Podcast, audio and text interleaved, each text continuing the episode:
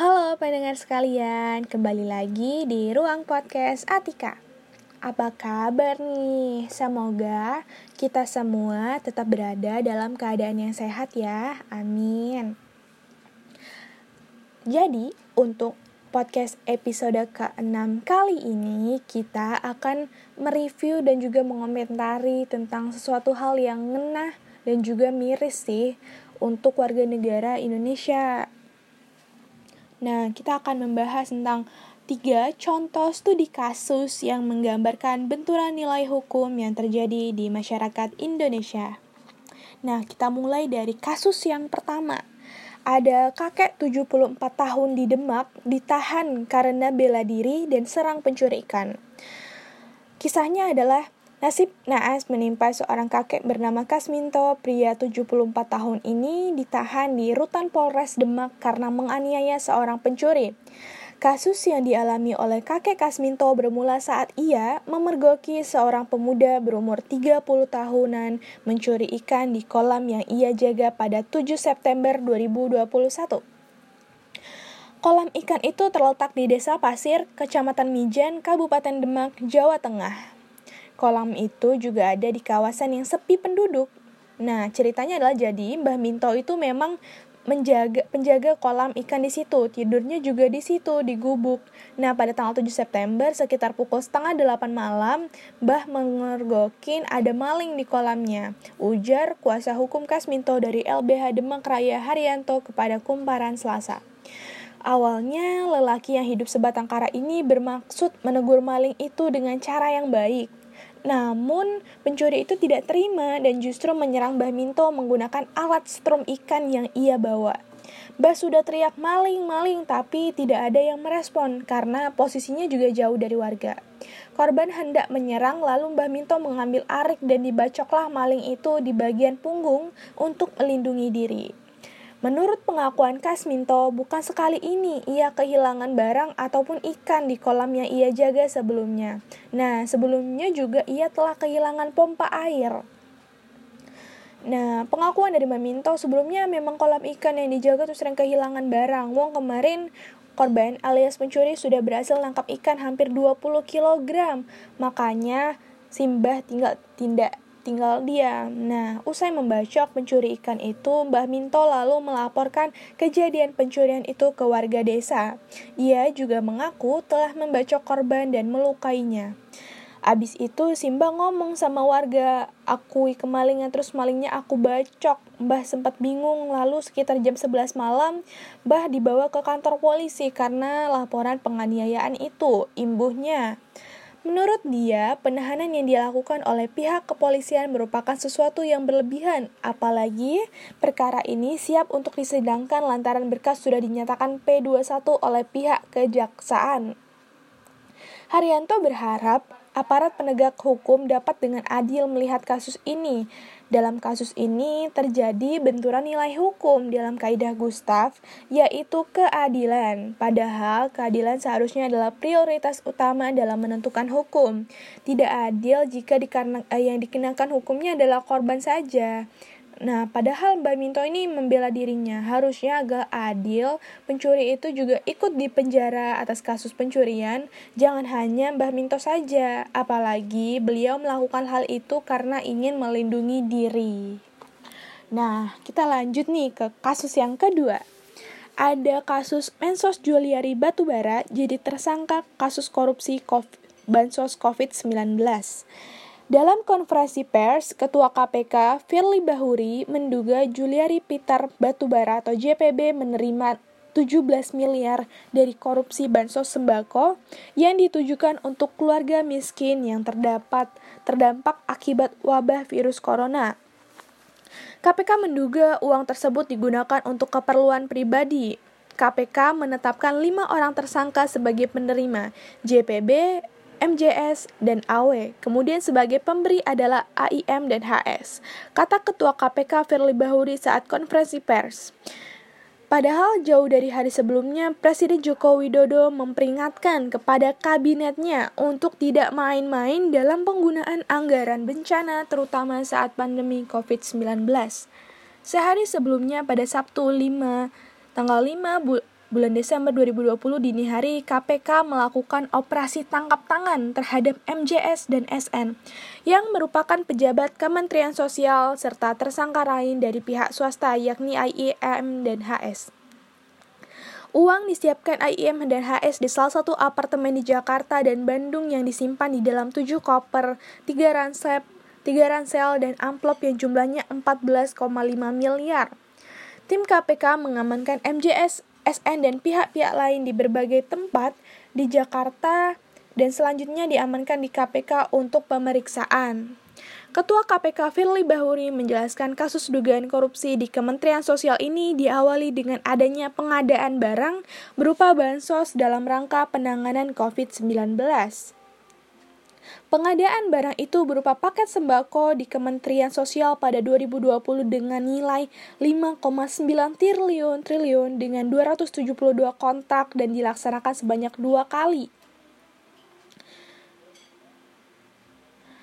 Juliari selaku Menteri Sosial menunjuk MJS dan AW sebagai pejabat pembuat komitmen dalam proyek tersebut dengan penunjukan langsung antar rekanan. Diduga disepakati adanya fee dari tiap-tiap paket pengerjaan yang harus disetorkan pada rekaman rekanan kepada Kementerian Sosial melalui MJS. Untuk fee tiap paket bansos disepakati oleh MJS dan AW sebesar 10.000 per paket sembako dari nilai 300.000 per paket sembako. Pejabat pembuat komitmen di Kementerian Sosial Mateus Joko Sasanto berjalan menuju mobil di tahanan usai diperiksa gedung KPK. Pada konsultri perkara, KPK mengungkapkan bahwa Juliari diduga menerima uang suap sekitar 8,2 miliar dalam pelaksanaan paket bansos sembako periode pertama. Diduga diterima fee 12 miliar yang pembagian diberikan secara tunai oleh MJS kepada JPB dan AF eh, sekitar 8,2 miliar. Uang tersebut diduga digunakan untuk membayar ke berbagai keperluan pribadi JPB.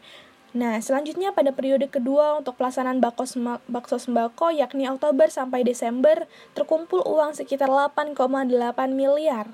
Nah, dengan demikian Juliari diduga menerima uang suap sekitar 17 miliar yang diduga digunakan untuk keperluan pribadi. Atas dugaan tersebut, KPK menetapkan Juliari dan empat orang lain sebagai tersangka. Menteri Koordinator Bidang Politik Hukum dan Keamanan Mahfud MD mengatakan pejabat pusat dan daerah yang melakukan tindak korupsi berkaitan dengan anggaran bencana COVID-19 terancam hukuman mati. Saya ingatkan, menurut UU Tindak Pidana Korupsi atau Tipikor diancam dengan paling tinggi seumur hidup atau 20 tahun penjara. Namun, dalam keadaan bencana seperti saat ini, COVID-19, maka ancaman hukuman mati diberlakukan berdasarkan UU yang berlaku tegasnya dalam rapat koordinasi nasional pengawasan intern pemerintahan tahun 2020 15 tahun. Juni yang 15 Juni yang lalu. Ini adalah salah satu benturan nilai hukum yang tidak sesuai kaidah Gustav, yaitu di mana lagi dan lagi keadilan tidak dijunjung tinggi di dalam hukum. Banyak orang yang menderita di kala pandemi dan para koruptor memakai kesempatan ini untuk memperkaya diri.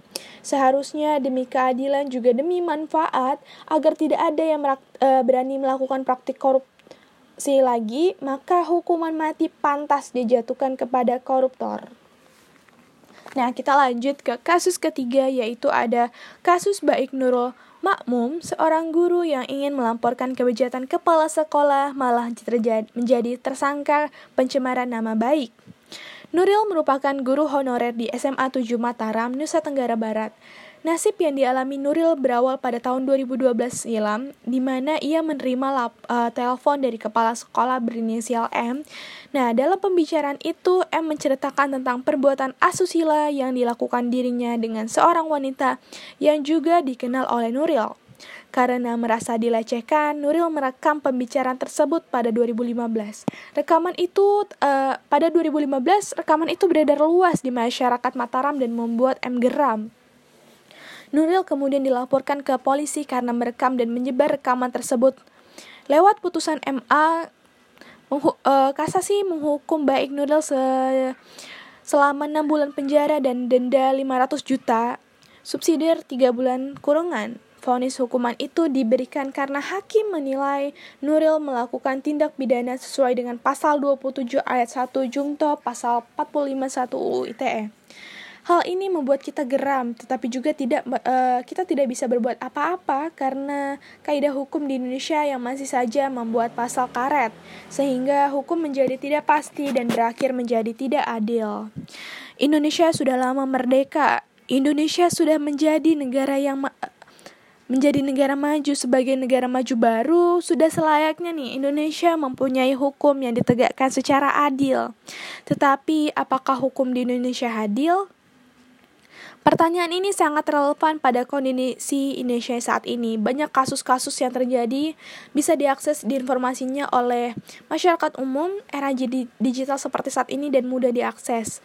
Nah, seperti kasus yang saya jelaskan tadi, lebih banyak lagi sebenarnya kasus-kasus yang ditangani secara tidak adil. Contohnya pencuri sebuah semangka di Kediri pencuri tiga buah kakao, pencuri dua ekor bebek di Tangerang, buruh pabrik mencuri sandal milik perusahaan di Tangerang. Nah, kasus-kasus tersebut pelakunya dihukum dan dijerat secara maksimal. Dalam memutuskan sanksi, hakim terlalu normatif dan kurang melihat aspek sosiologis. Penc uh, mencuri itu memang tindakan pidana yang salah. Pencuri juga memang layak diberi sanksi, tetapi keadilan itu dirasa kurang merata bagi masyarakat. Coba bandingkan dengan pelaku korupsi.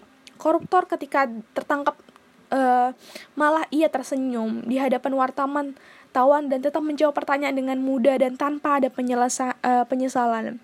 Perlakuan penegak hukum juga berbeda. Koruptor tidak diperlakukan ke, seperti ketika masyarakat kecil yang terkena kasus hukum. Koruptor mendapat perlakuan istimewa. Koruptor ketika sudah menjadi terpidana di penjara dengan fasilitas istimewa, penjara berfasilitas mewah, dan dalam proses menjalani hukuman penjara pun mereka sering mendapatkan remisi. Sedangkan koruptor dan maling ayam sanksi penjaranya hampir sama. Padahal koruptor sangat merugikan masyarakat, negara ataupun pemerintah di Indonesia yang tidak uh, tidak memperhatikan aspirasi negara dan kepentingan masyarakat karena terlalu memihak kepada penguasa. Oligarki menguasai negara.